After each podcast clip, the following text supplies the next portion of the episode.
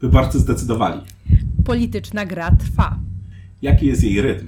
W podcaście Rytm Polityki witają Was Agata Kępa i Tomasz Synowiec. Wybory parlamentarne za nami. Można powiedzieć, dokonało się dokonało się, ale przed nami jeszcze sporo, sporo odcinków, które będą wokół tych wyborów się kręciły, bo tak naprawdę nie znamy składu rządu. Nie wiemy, kto będzie współdecydował, mamy nadzieję, z obywatelami i obywatelkami przez następne 4 lata o Polsce. Dlatego dzisiaj zapraszamy Was na odcinek Rytmu Polityki, w którym podsumujemy sobie właśnie wybory z 15 października.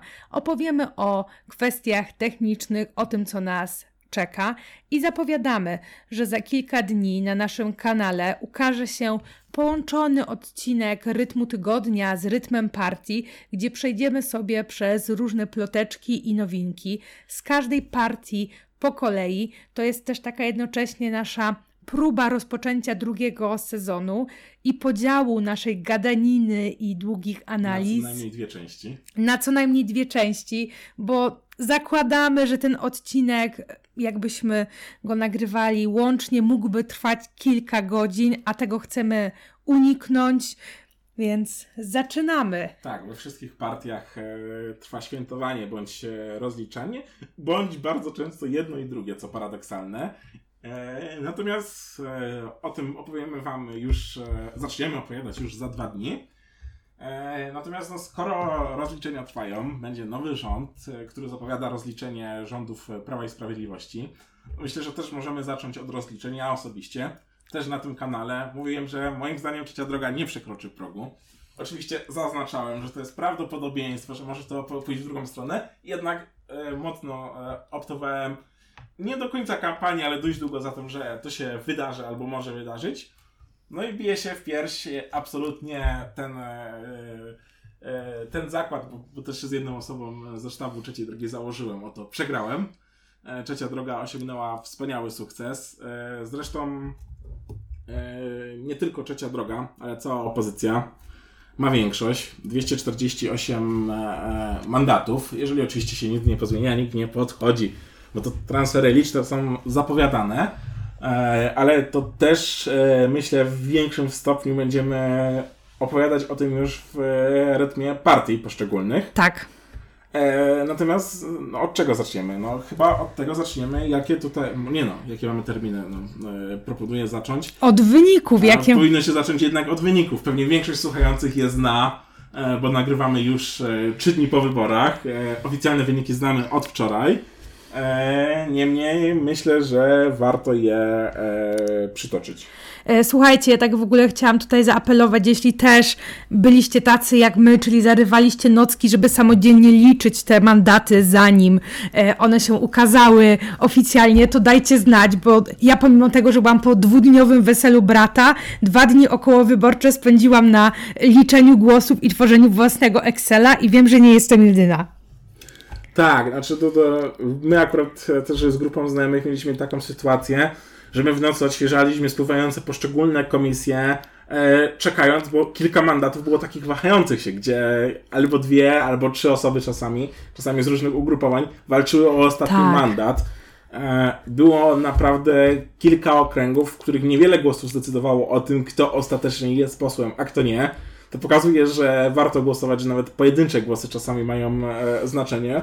No a my z wielką pasją to śledziliśmy. Tak, tak. Jednym z takich przypadków był na pewno Ryszard Petru, kiedy na początku się nie dostawał do Sejmu, ostatecznie się dostał, więc to odświeżanie i głosy pokazują, że ma to znaczenie. Ale w każdym razie, przechodząc do wyników, jak to Robert Mazurek się śmiał w jednej z porannych rozmów, wszystkie partie mówią, że wygrały. Prawie Nie, wszystkie. Prawie wszystkie. Jest jedna, jedna partia, która opiera się temu e, wrażeniu. W każdym... Jest naprawdę więcej, ale jedna, która weszła do, do Sejmu.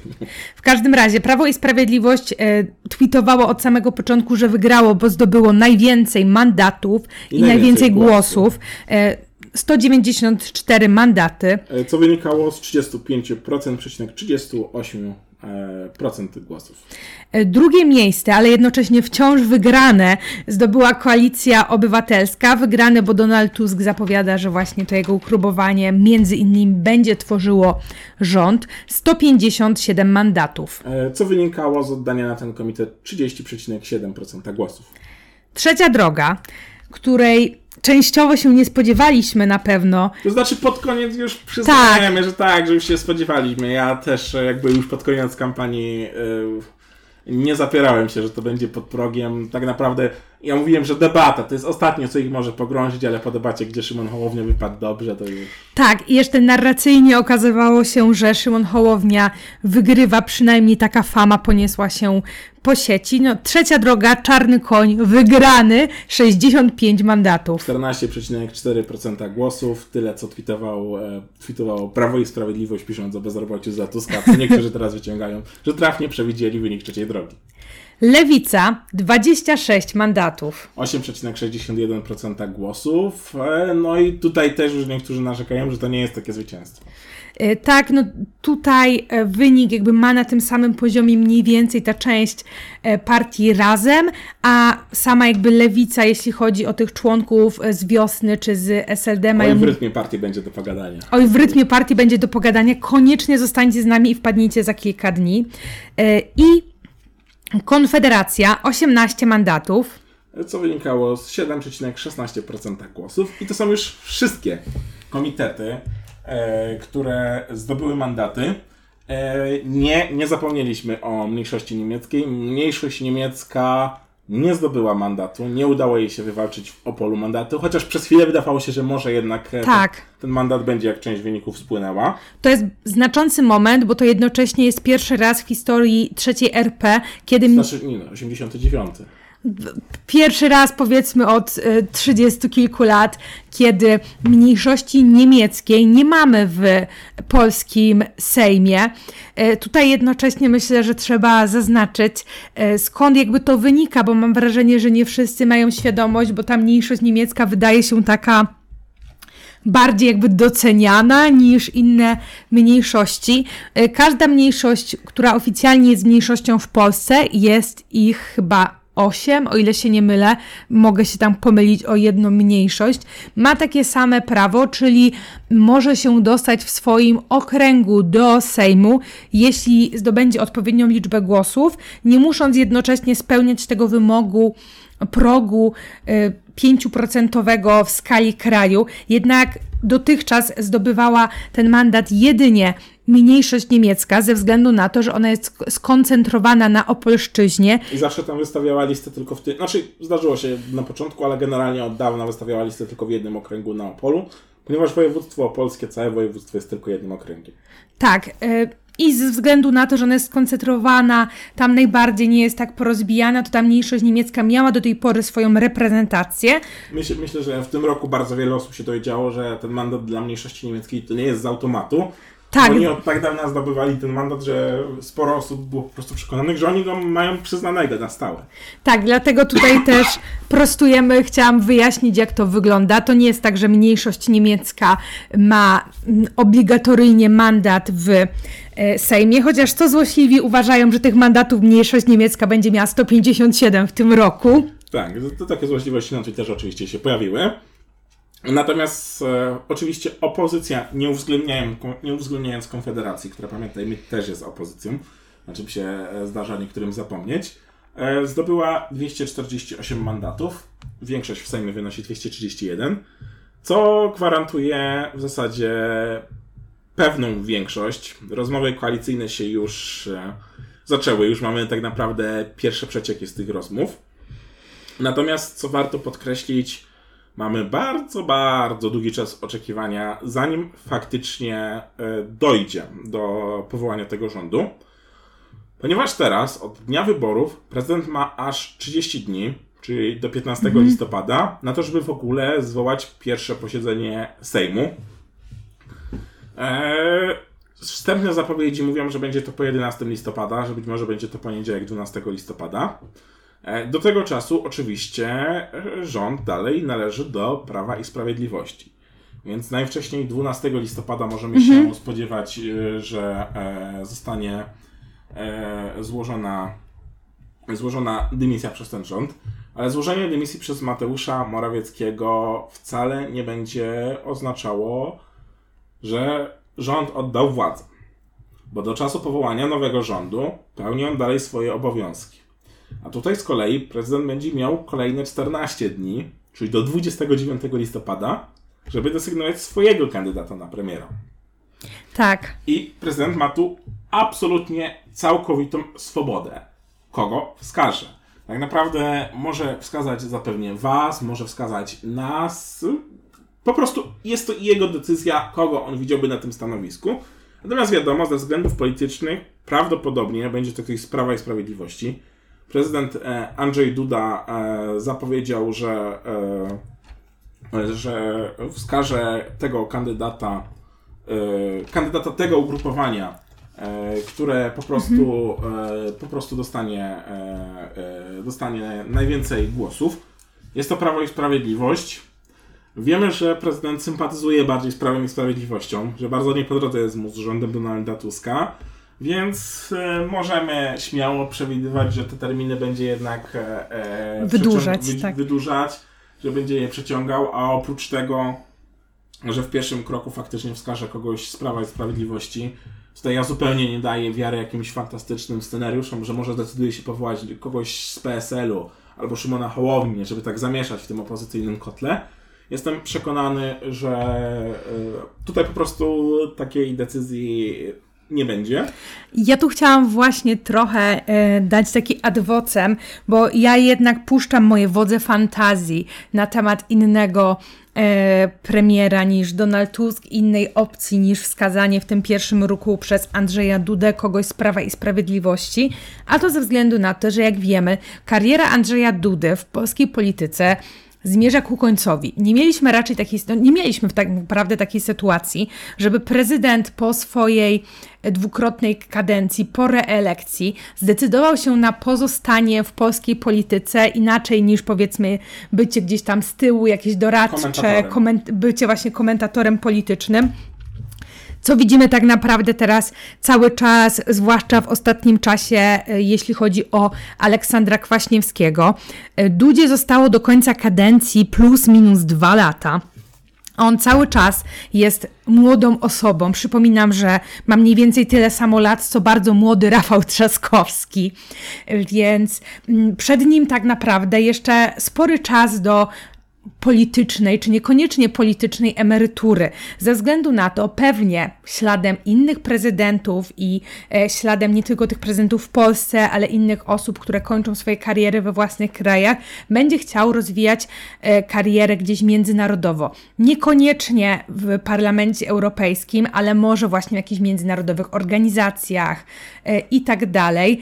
Więc ze względu na to nie jest mu na pewno na rękę wewnętrzny konflikt w kraju i te ostatnie dwa lata spędzenie na takiej twardej kohabitacji, tylko lepiej jest współpracować na pewno z dotychczasową opozycją, zwłaszcza, że to dotychczasowa opozycja jest dużo lepiej widziana na arenie międzynarodowej, zwłaszcza europejskiej. Więc myślę, że. Pozwól, pozwól że do tak? tego za momencik wrócę i odniosę się do tego. Najpierw jednak bym skończył, że mhm. 14 dni po wskazaniu. Dobrze. Jeżeli będzie wszystko w ostatnim dniu, te, ostatni możliwy termin, to 29 listopada prezydent e, e, desygnuje kandydata na premiera. Mhm. Prawdopodobnie kogoś z PiSu. Następnie ten wskazany premier ma 14 dni na wygłoszenie expose po którym będzie głosowane wotum zaufania. Ja nie mogę się doczekać analizy tego expose. Całą magisterkę tak. poświęciłam analizom expose, więc ale, po prostu już chcę bardzo. Ale, ale, ale, takiego, gdzie było z góry wiadomo, że jest skazany na porażkę, to pewnie nie analizowałaś.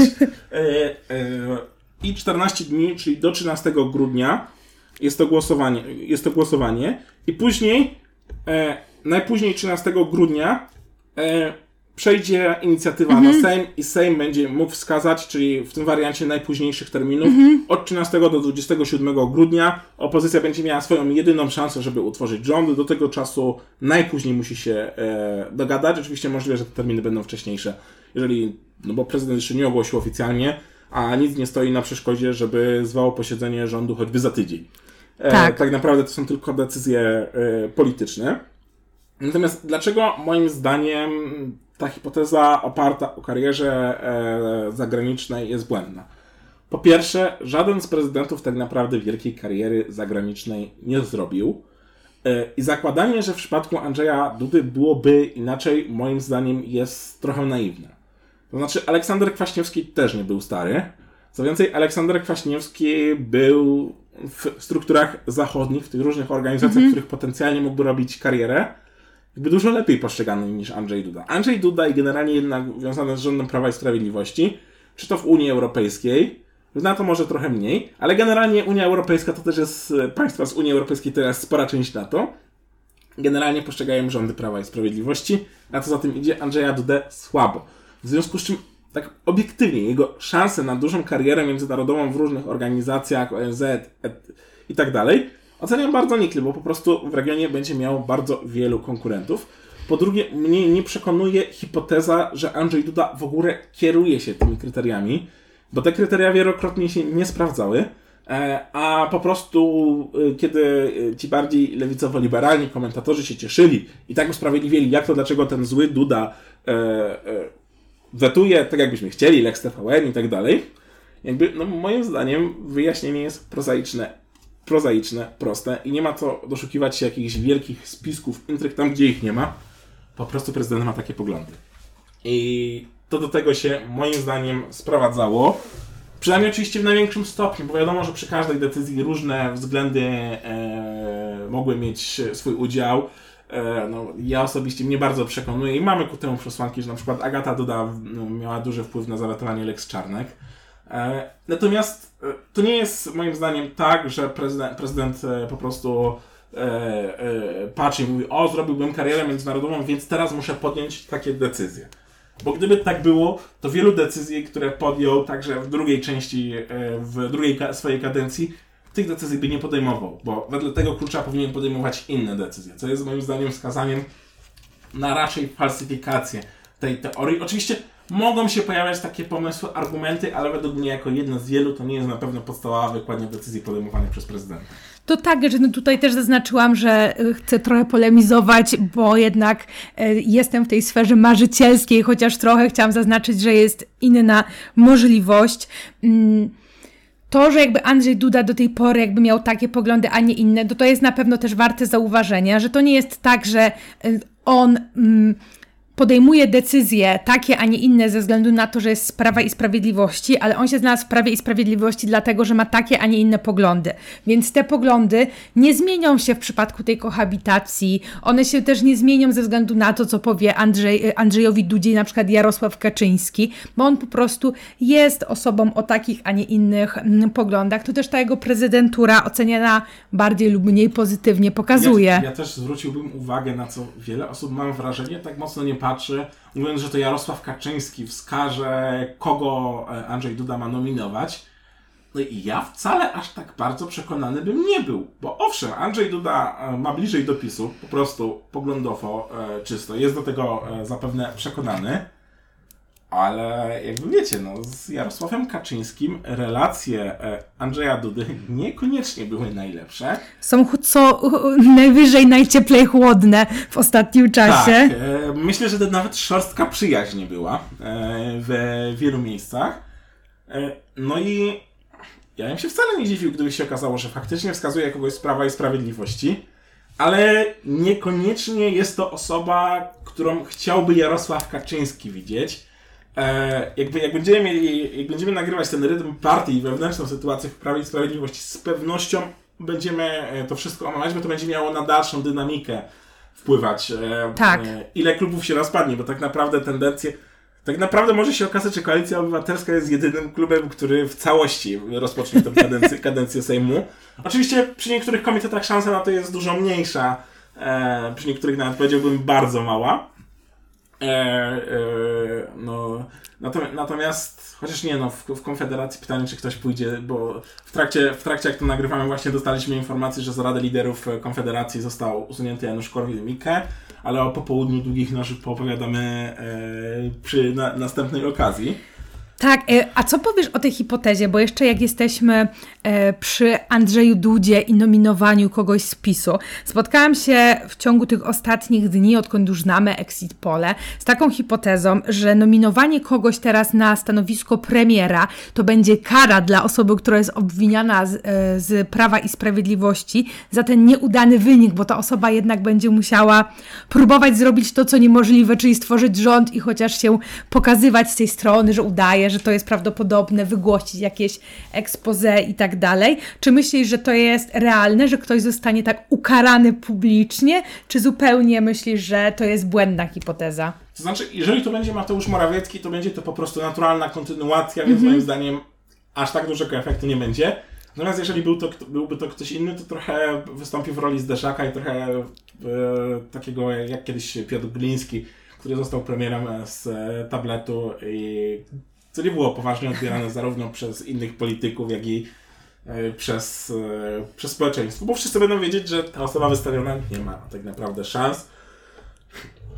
E, jakby do wewnętrznego przedziału też tego, bo wiecie, weszło pięć komitetów, ale tak naprawdę wewnątrz tych pięciu komitetów mamy masę partii. Tak. Więc jak będziemy omawiać to przy następnym nagraniu, e, rytm, rytm partii, to powiemy Wam właśnie, jakie e, partie, jakie ugrupowania, być może e, jak to się też rozkłada z sympatiami różnymi, e, weszły z każdego z tych komitetów i po prostu każdą z partii omówimy po kolei.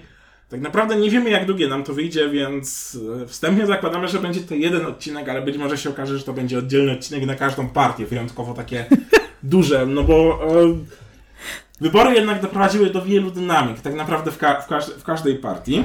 Tak, było też jakby wiele takich e, mam wrażenie, takiego ciśnienia wewnętrznego, które teraz się ukazuje, bo jednak wszystkim zależało, żeby wejść do Sejmu, wejść do parlamentu. Kiedy się już udało, no to może to ciśnienie puścić, więc na tak, pewno tu będzie bardzo wiele. Toczą się już rozmowy koalicyjne między Koalicją Obywatelską, Trzecią Drogą i Nową Lewicą. E, oczywiście w tym układzie najsłabsza jest e, Nowa Lewica. O wewnętrznej dynamice jeszcze raz powtórzę, opowiemy w rytmie partii. Mhm.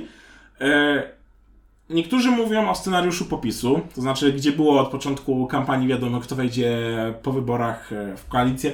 To jest według mnie zupełnie inna sytuacja, bo po pierwsze wtedy wiedzieliśmy, że PO i PiS wspólnie nie było wiadomo było kto będzie miał pierwsze miejsce, ale że generalnie wygrają. I nie było takiego ryzyka, że mamy wielką znienawidzoną SLD, która ciągle czyha, walczy o władzę. A tu jednak mamy to prawo i sprawiedliwość tego straszaka, który w razie większych sporów, które teraz wybuchają, e, e, czy to o aborcję, czy o inne kwestie wzajemne krytykowane, krytykowane są swoje programy, e, to jakby nawet jeżeli te sprawy będą kością niezgody, no to moim zdaniem widmo Prawa i Sprawiedliwości, nawet gdyby Prawo i Sprawiedliwość miało się już zaraz jeszcze przed pierwszym posiedzeniem Sejmu rozpaść, to dalej będzie to na tyle e, duże, niebezpieczne widmo i zagrożenie, że po prostu e, ci politycy się e, dogadają. Tak, no mm, też w 2005 roku nie mieliśmy takiej sytuacji, że de facto każde ugrupowanie, które się dostało do parlamentu jest koalicją.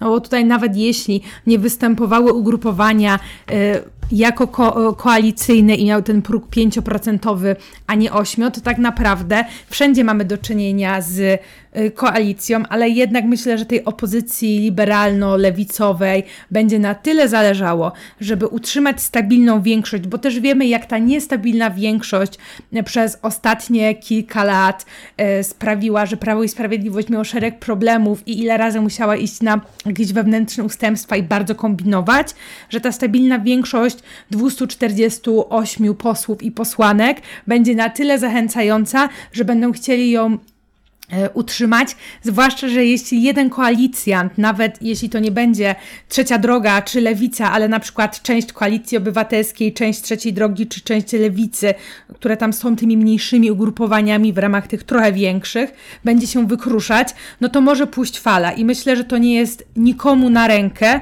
czy nikomu z tej opozycji e, liberalno-lewicowej, bo mogłoby wtedy doprowadzić do scenariusza e, przyspieszonych wyborów, a od tego scenariusza myślę, że teraz, kiedy się bezpiecznie ta opozycja dostała do Sejmu, będzie chciała być jak najdalej, zwłaszcza, że jeszcze... Że, nie ma, że nie ma gwarancji, że ten wynik by się powtórzył. Właśnie, a kilka tygodni temu nikt się jeszcze nie spodziewał, że ta znaczy, przewaga nie. będzie na tyle znaczy, no większa. Nie, no jednak wyda wydaje mi się, że w rozważanych scenariuszach mówiliśmy, że dwa najbardziej prawdopodobne to właśnie tak, dla tak. tych trzech ugrupowań lub scenariusz braku większości dla kogokolwiek, więc nie powiedziałbym, że... Ale wiesz, no kilka tygodni temu, jak się cofniesz powiedzmy te kilka tygodni w rozumieniu koniec wakacji... No ja wiem, że nagrywaliśmy tak. odcinek, e, czy PiS miała szansę na trzecią kadencję, ale jednak odpowiedź w tym podcaście z naszej strony była, no niby widzimy pewne tendencje, ale nie bardzo w to wierzymy, że możliwy jest taki scenariusz.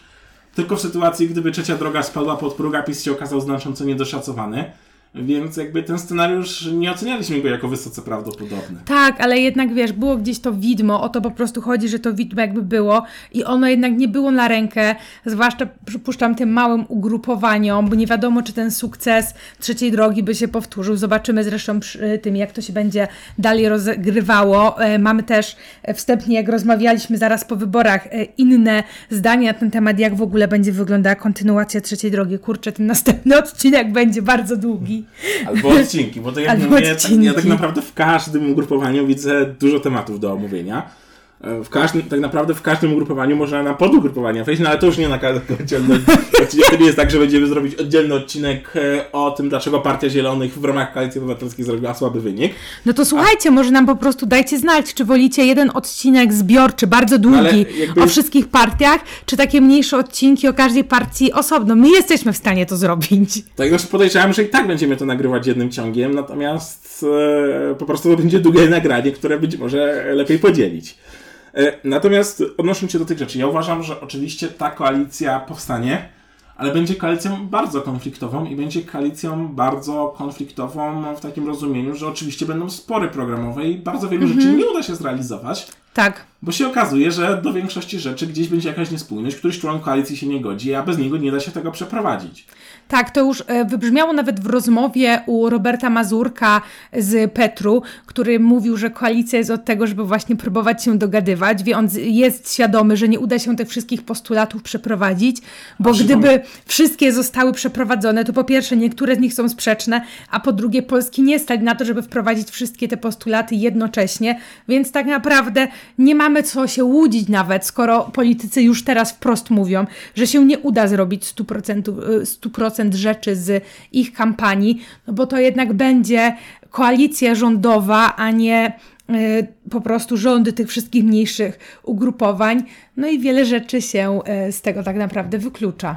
Tak, a nie zapominajmy też o tym, że będzie jeszcze prezydent Andrzej Duda, który pewne ustawy może wetować i podejrzewam, że z tego weta będzie korzystał jak do Prawa i Sprawiedliwości. Wcale nie aż tak rzadko. Jakby ja mam wrażenie, że trochę przez to określenie, że jest długopisem i taką narrację, że na wszystko się PiSowi zgadza, trochę niektórym to umknęło. Ale Andrzej Duda y, wetował relatywnie sporo, jak biorąc tak. pod uwagę, że współrządził, jakby rządziło ugrupowanie, z którego on się wywodzi. Całkiem sporo ustaw.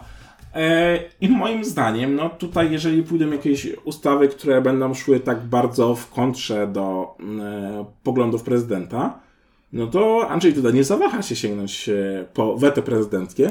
Odrzucenie weta prezydenckiego byłoby bardzo trudne, bo no, nawet z Konfederacją jest, jest ciut za mało.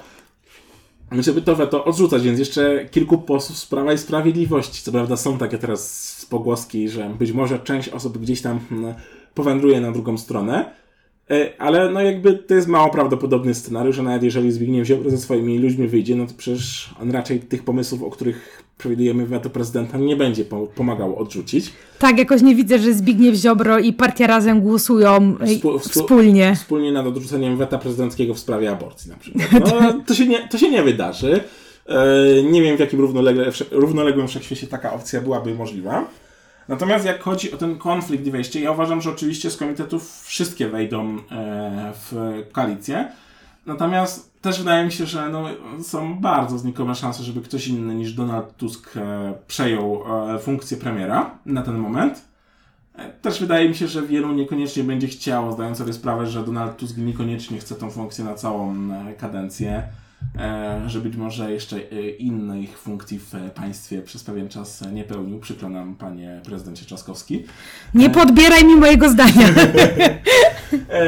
I być może tam też będzie chciał spróbować swoich sił. Natomiast no, znowu, już wkrótce w rytmie partii. E, natomiast wydaje mi się, że jedyne ugrupowanie, które mogłoby ewentualnie wylecieć z tego układu, no bo e, razem z trzecią drogą Koalicja Obywatelska ma 222 mandaty. Mhm. Więc nawet za mało, żeby bez lewicy zrobić rząd, więc lewica będzie koniecznie potrzebna. Natomiast biorąc pod uwagę, że premierem będzie Donald Tusk, który na pytanie, e, czy z Konfederacją, czy z Razem woli rząd odpowiada osobno, ja bym się wcale nie zdziwił, jakby Donald Tusk powiedział weto e, Nowej Lewicy, że owszem, dostaniecie ministerstwo, ale to nie będą osoby z partii Razem, oni co najwyżej wiceministrów dostaną. No pytanie, co na to partia Razem, czy, czy tam nie byłoby jakiegoś rozłamu? Jak będziemy za dwa dni nagrywać, być może trochę więcej wypowiedzi polityków będzie, żeby przeanalizować, ale moim zdaniem jakby, jeżeli ktoś z obecnej e, opozycji deklarującej koalicję miałby wypaść, no to największe szanse na to ma oczywiście partia razem, ale to też nie jest tak, że ja mówię, że na pewno tak będzie i że Donald Tusk na pewno się na to zdecyduje. Też e, pytanie, czy lewica by poszła na ten układ, no ale to znowu wchodzimy w kwestię wewnętrznej dynamiki rywalizacji w lewicy, która też jest bardzo ciekawa i problematyczna niekoniecznie dla partii razem. Mm Tutaj się chciałam ustosunkować. Moim zdaniem nie będzie lewicy odrzucenie partii razem na rękę ze względu na to, że to jednak partia razem w tym momencie jest siłą lewicy. I jeśli partia razem przez następne lata budowałaby się jeszcze mocniej niż dotychczas, a to tak naprawdę na scenie politycznej jest wciąż stosunkowo młode ugrupowanie, zwłaszcza jeśli porównamy to z PSL-em, który jest w polityce 100 tak, lat. Przeanalizujemy to dokładnie w, ryt w rytmie partii, e... w, ka w ka każde z, te, z tych ugrupowań, bo to są naprawdę ważne rzeczy. Tak, Natomiast... ale w każdym razie chciałam y, dokończyć tutaj, y, że moim zdaniem lewicy nie będzie na rękę, żeby partia razem się umacniała i jeszcze właśnie grała bardziej tak y, na siebie, bo i tak wyniki tych wyborów pokazały, że partia razem jest w tym momencie najbardziej stabilną i poprzez to w pewien sposób najsilniejszą mm, częścią właśnie e, lewicy, więc zakładałabym, że jednak wszyscy w jakiś sposób wejdą, może w postaci e, wiceministrów, ale zakładam, że będą tworzyć jednak e, poszczególne osoby ten rząd. Jeśli chodzi o premiera, myślę, że najbardziej prawdopodobny też jest Donald Tusk, chociaż zakładam, że jeśli on zostanie tym premierem, to będzie chciał jednak po pewnym czasie skończyć bycie tym premierem i spróbować kandydować na inny urząd. E, Rafał Trzaskowski pozostanie prezydentem, ale Warszawy pewnie się nie doczeka tej prezydentury. Przynajmniej na ten moment no jest takie zdanie. młody, więc jeszcze może ma czas. No właśnie, on i tak jest młody, to o co chodzi. E... Jakby najbardziej młody polski polityk po Krzysztofie Ibiszu. Przypominam, najpierw był posłem, później celebrytą później zaczął być młody. Tak. Y, jeszcze chciałam puścić takie wodze fantazji, jeśli chodzi o to, kto ewentualnie mógł być premierem.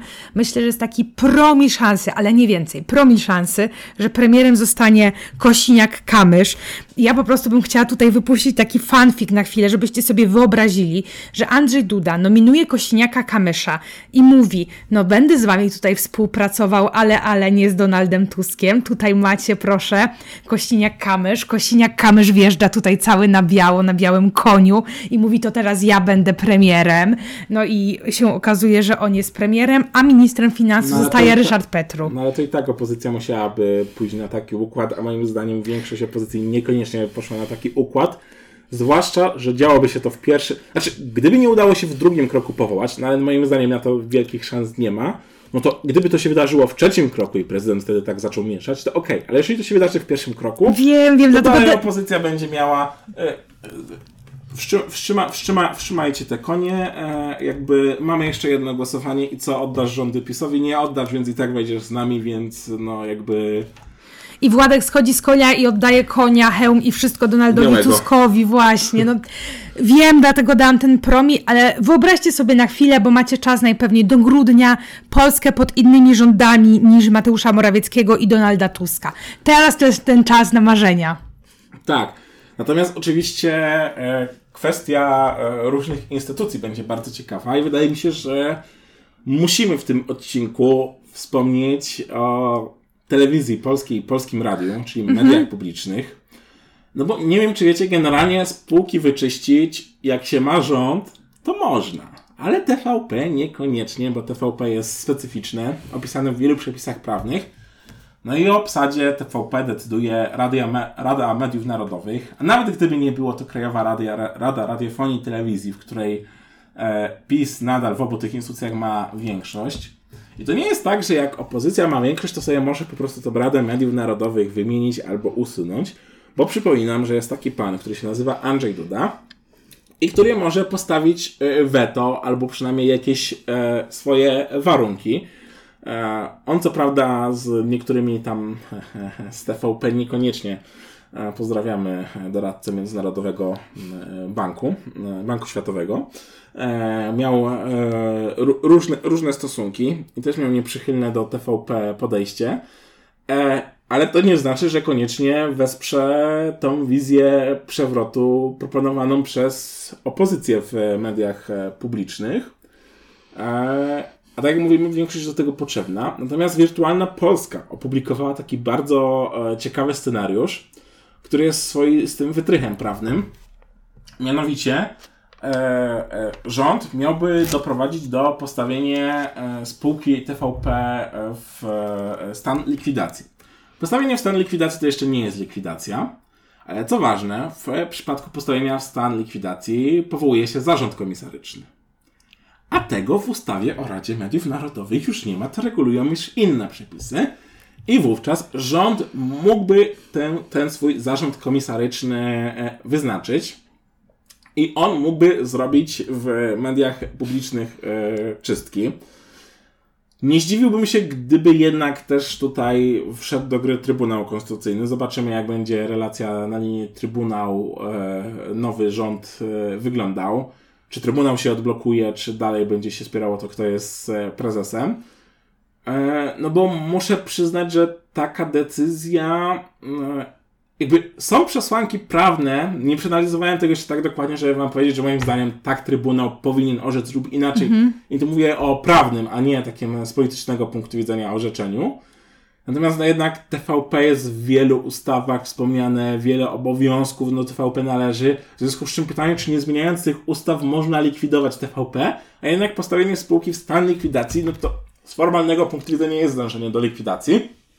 Więc pytanie, czy taka decyzja nie byłaby e, podważona, ale tak jak mówię, no, prawnie nie mam tego jeszcze w 100% przeanalizowanego. Natomiast jeżeli ten manewr by się udał, no to wydaje się, że faktycznie TVP jest do przejęcia. A nawet jeżeli nie jest, to dziennikarze TVP nagle zrobili się dla jeszcze opozycji dość mili. Eee... Paski w TVP to już nie są te same paski w TVP, które były jeszcze kilka miesięcy temu. Natomiast na drugą nóżkę, e, e, tak można powiedzieć symetrystycznie, bym dorzucił, bo teraz wszyscy symetryści się chwalą, że mieli rację, e, zwłaszcza ci opozycyjni. No bo przypominam, że symetrysta nie znaczy, że on mówi, że PiS PO jedno zło. To jest e, tylko część symetrystów. E, jakby wiara części opozycji w to, że ludzie e, starsi zwłaszcza nie znoszą Tuska, bo im tak powiedzieli w TVP, moim zdaniem jest bardzo naiwna. Wiara w to, że e, teraz TVP im powie, Tusk jest super. I nawet jeżeli będzie im to przez 4 lata powtarzało, to oni stwierdzą, no to może jednak Tusk jest super. Nie, nie będzie tak, bo gdyby tak było, PiS w 2015 roku nie wygrałby wyborów. Mm, tak, tak. No myślę, że jak pogrzebiecie w swoich rodzinach, to znajdziecie i seniorów po jednej i po drugiej stronie. Jedni będą popierać Tuska, drudzy będą e, popierać Prawo i Sprawiedliwość. Myślę, że też akurat jeśli o to chodzi, to Donald Tusk e, odrobił chociaż trochę lekcje.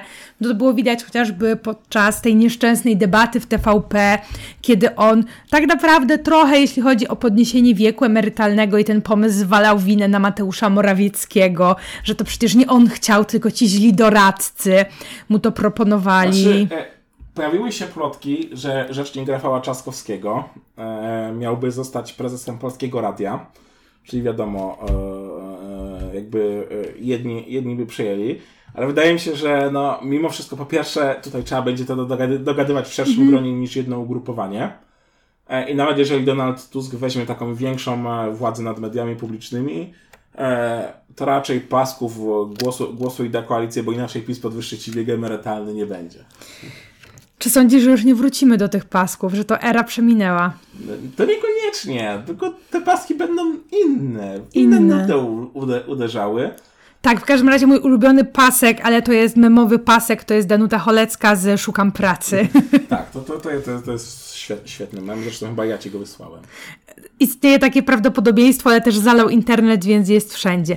No i myślę, że tak już powoli zmierzając do końca tego odcinka, a na pewno nie końca omawiania wyborów, chciałam się Ciebie zapytać o to, jak Twoim zdaniem te wybory wyglądały w kontekście świadomości obywateli, bo to jest coś, co e, mnie na pewno bardzo podbudowało, mm, kiedy szłam głosować właściwie wieczorem w niedzielę, bo wcześniej nie miałam takiej możliwości i widziałam tłumy, e, które czekają. W szkole, w której głosowałam, jak potem sprawdzałam, kolejka była na ponad 100 metrów na niecałą godzinę przed zamknięciem lokalu. Ja z samego lokalu wyborczego znaczy, wyszłam po 21. Trzeba zauważyć, że jedna z komisji we Wrocławiu bodajże po trzeciej w nocy skończyła tak. głosować więc e, kolejka była, kolejki były wieczorami w wielu miejskich komisjach, e, zwłaszcza miejskich, bo być może na wsi gdzieś też były.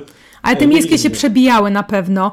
One były ogromne i nie spotkałam się za mojego dorosłego życia, jeśli chodzi o wybory i o głosowanie z aż takimi kolejkami. Rozmawiałam Wydaje też. się, że nie było. Tak. Aż takich. Rozmawiałam też z osobami z komisji, i to nie tylko z tej mojej, ale także z innych komisji. I one zgodnie twierdziły, że te kolejki, one tak naprawdę budowały się przez cały dzień, że może poza tymi godzinami stricte porannymi w tych komisjach, w których to głosowanie się przedłużało, właśnie ze względu na ten ogrom ludzi, to te kolejki pojawiały się często już od dziewiątej, od dziesiątej i tak naprawdę cały czas były, że nie było za bardzo żadnych luk, że przychodzimy i głosujemy, a pamiętam takie głosowanie, że e, wchodziło się, wychodziło, załatwiało się wszystko w ciągu pięciu minut, a nie ponad e, godziny. Więc y, to mnie bardzo napawało dumą, jak widziałam tych ludzi czekających w tej kolejce, y, często jakby na mrozie, bo chcą właśnie oddać głos. Myślę, że to jest pierwszy dowód na to, że to musiały być świadome wybory i że ludzie naprawdę chcieli zagłosować, bo kto chciałby stać ponad godzinę albo czasami więcej na mrozie, żeby zagłosować. E, po drugie, e, kwestia jakby referendum, to jaka jest różnica między osobami, które głosowały w wyborach do parlamentu i głosowały w referendum, to też pokazuje, że te osoby, które nie wzięły tej karty referendalnej, też musiały zrobić jakiś krok, więc one świadomie się na to zdecydowały, musiały w jakiś sposób też pokazać te swoje poglądy. To nie było tak, że E, ktoś po prostu tylko bierze jakieś dwie karty, a ta trzecia to no, trzeba iść do innego budynku. Nie, nie, trzeba było się upominać. Nie nawet, trzeba... nawet, jeżeli, nawet jeżeli się tak. pytali, to nie trzeba było się upominać o nią tylko po prostu co najwyżej powiedzieć tak biorę. No. Więc trzeba było właśnie wiedzieć wcześniej, że się jej nie chce brać, bo też myślę, że tak automatycznie jak idziesz do głosować i ktoś się ciebie spyta, a ty nie wiesz, czy chcesz brać, czy nie, to bierzesz te wszystkie karty, więc e, ktoś musiał jakby wiedzieć o tym wcześniej, więc to była jakby ta decyzja e, tutaj, żeby mm, wcześniej brać. No i jeszcze mijanki. My tutaj przed e, nagraniem liczyliśmy, ile było tych mijanek. Było aż 21, znaczy mijanek, mówimy tutaj tylko o sytuacjach, gdy jedynka nie zdobyła najwyższego wyniku. I mówimy tylko o przypadku ugrupowań, które dostały się do Sejmu. Tak, nie, nie, jakby pozostałych ugrupowań tutaj nie, nie, liczymy. Nie liczymy, czyli było 21 osób z miejsc drugich i niższych przekroczyło wynik pierwszego które, miejsca. Które zdobyły najlepszy wynik e, na swojej liście. Tak. I aż cztery takie sytuacje zakończyły się tym, że dana osoba po prostu nie zdobyła mandatu. Tak, i myślę, że dwie takie, dwa najgłośniejsze takie przypadki to oczywiście numer jeden Janusz Korwin-Mikke, zdeklasowany przez kobietę. E, w ciąży w dodatku. W ciąży, która nie brała udziału w kampanii. Proszę sobie to wyobrazić. Znaczy, znaczy tutaj trzeba, muszę sprostować, od pewnego momentu nie brała tak. udziału w kampanii, bo jednak na początku brała udział w późniejszym etapie, zawiesiła swoją kampanię ze względu na ciążę. E, Ale natomiast, natomiast tutaj też, jak już wspomnieliśmy, jak był piękny mem, e, dwóch ich było, mieli przewagę. w każdym razie tu chodzi o Karinę Bosak, e, żonę e, Krzysztofa Bosaka, która uzyskała wyższy wynik. Co więcej, Janusz Korwin-Mikke... Nie miał drugiego wyniku. Nie miał drugiego wyniku. Miał, miał wynik numer 3, bo przeskoczył go jeszcze Jacek Wilk. To pokazuje, że Janusz Korwin-Mikke odchodzi z polskiej polityki. Tak, jak bardzo odchodzi i trzeba by na pewno, no to ponownie zapraszamy na e, oddzielny tym razem. Zapraszamy, tak, dokładnie na Tak, no i były dwa dość głośne przypadki, kiedy tak, jedy, jedynka z Nowej Lewicy została mhm. e, przeskoczona. W Krakowie e, i to z bardzo dużą przewagą głosów. Ponad dwukrotną. Daria Gosek-Popiołek e, wrzuciła z parlamentu posła Gdulę. E, nie powiedziałabym, że wyrzuciła, bo Daria Gosek-Popiołek już też wcześniej tak, była tak, posłanką. No, ale, ale tym, tym, razem dla Lewicy z Krakowa był jeden mandat. Tak. I też e, kandydatka z partii Razem, tym razem jeszcze nie posłanka, e, pani Wicha, również w okręgu podwarszawskim, gdzie mieliśmy dwie mijanki. E, I co, co ciekawe, bo e, partia e, Nowa Lewica oraz Konfederacja wzięły dwa ostatnie mandaty w okręgu tak. warszawskim. Tam jeszcze toczyła się między. Nie było takiej dużej różnicy z Komitetem Koalicji Obywatelskiej, który mógł najpierw Lewicy, a później Konfederacji, no ale też jakby tutaj Janka mogła w obrębie mm -hmm. tych trzech komitetów nastąpić. E, I tam dwie dwójki przesko przeskoczy przeskoczyły jedynkę. No jeszcze mieliśmy jeden taki przypadek w e, trzeciej drodze, gdzie kandydat PSL-u, ale tu już nieznacznie przeskoczył kandydata Polski 2050 z drugiego miejsca e, niewielką ilością głosów, więc to też pokazuje tę świadomość. I ja Ci zadam już tak absolutnie na koniec dzisiejszego odcinka pytanie, czy Twoim zdaniem kohabitacja rządu Donalda Tuska, no bo chyba się zgadzamy, że jednak to będzie rząd Donalda Tuska, i prezydenta Andrzeja Dudy to będzie bardzo ostra kohabitacja z wetowaniem większości ustaw, czy jednak to będzie kohabitacja taka, że prezydent Duda pójdzie na większą współpracę? Myślę, że to nie będzie ostra współpraca, to nie będzie, znaczy nie będzie to ostra kohabitacja, bardziej myślę, że w pewnym zakresie będzie to współpraca. Oczywiście, tak też jak mówiłam, Andrzej Duda ma określone poglądy, on ich nagle nie zmieni ze względu na to, że inne ugrupowanie jest tym ugrupowaniem rządzącym, zwłaszcza, że Andrzej Duda już w Prawie i Sprawiedliwości nie jest od 10 jakby lat, jak jest e, prezydentem, tylko on e, z Prawem i Sprawiedliwością trzyma się e, od 8, tak, od 8. Trzyma się z Prawem i Sprawiedliwością znacznie dłużej, mm, ale myślę, że taka bardzo ostra kohabitacja, brak jakiejkolwiek współpracy, też Andrzejowi Dudzie nie będzie na rękę, no bo po co ma jakby to robić tak naprawdę, zwłaszcza, że... Poza, poza tym ja podejrzewam, że Andrzej Duda będzie chciał, żeby jednak ktoś z jego obozu w jego miejsce startował, a to tak. też dla oceny i szans w wyborach prezydenckich. Tak, tak. A poza tym na przyszłą karierę, nawet jak zakładamy, że Andrzej Duda nie będzie teraz w ONZ, w NATO i tak dalej, pełni jakichś zaszczytnych stanowisk, to dla jego po prostu przyszłości takie ostatnie dwa lata stawianie się tylko w takiej bardzo ostrej kontrze nie będzie pewnie na rękę. Poza tym, mm, zakładając, że Donald Tusk będzie jednak e, premierem, że koalicję rządzącą stworzy i trzecia droga, i cała lewica, że tam też będzie ta partia razem i tak dalej, no to musimy pamiętać, że tam mimo wszystko będą też osoby o bardziej konserwatywnych poglądach, e, które na pewno będą e, blokowały wszystkie maksymalnie takie lewicowe postulaty, no i będą musieli chcieć siłą rzeczy wprowadzać jakieś różne ustawy, iść na ustępstwa, więc część z tych różnych postulatów, zmian, proponowanych ustaw nie będzie bardzo lewicowa światopoglądowo, liberalna gospodarczo, więc będzie to bliższe Andrzejowi Dudzie i w takim przypadku nie widzę tego, żeby e, stawiał się przeciwko tylko dlatego, że nie, bo nie. Jego też dotychczasowe działania nie pokazują, że on jest taką osobą, która za wszelką cenę stawia się w kontrze, tylko jednak jest osobą, z którą da się w jakiś sposób rozmawiać, współpracować, jest bardziej otwarty na dialog. Zresztą on moim zdaniem na arenie międzynarodowej, jako Andrzej Duda, dzięki pewnie Zełęskiemu i Ukrainie ma lepszą opinię niż Prawo i Sprawiedliwość. Więc myślę, że on nie pokazywał do tej pory, żeby stawiał się w jakiejś ostrej kontrze tylko dlatego, że ktoś jest przeciwnikiem. Mm, wątpię, żeby nagle się teraz to miało zmienić.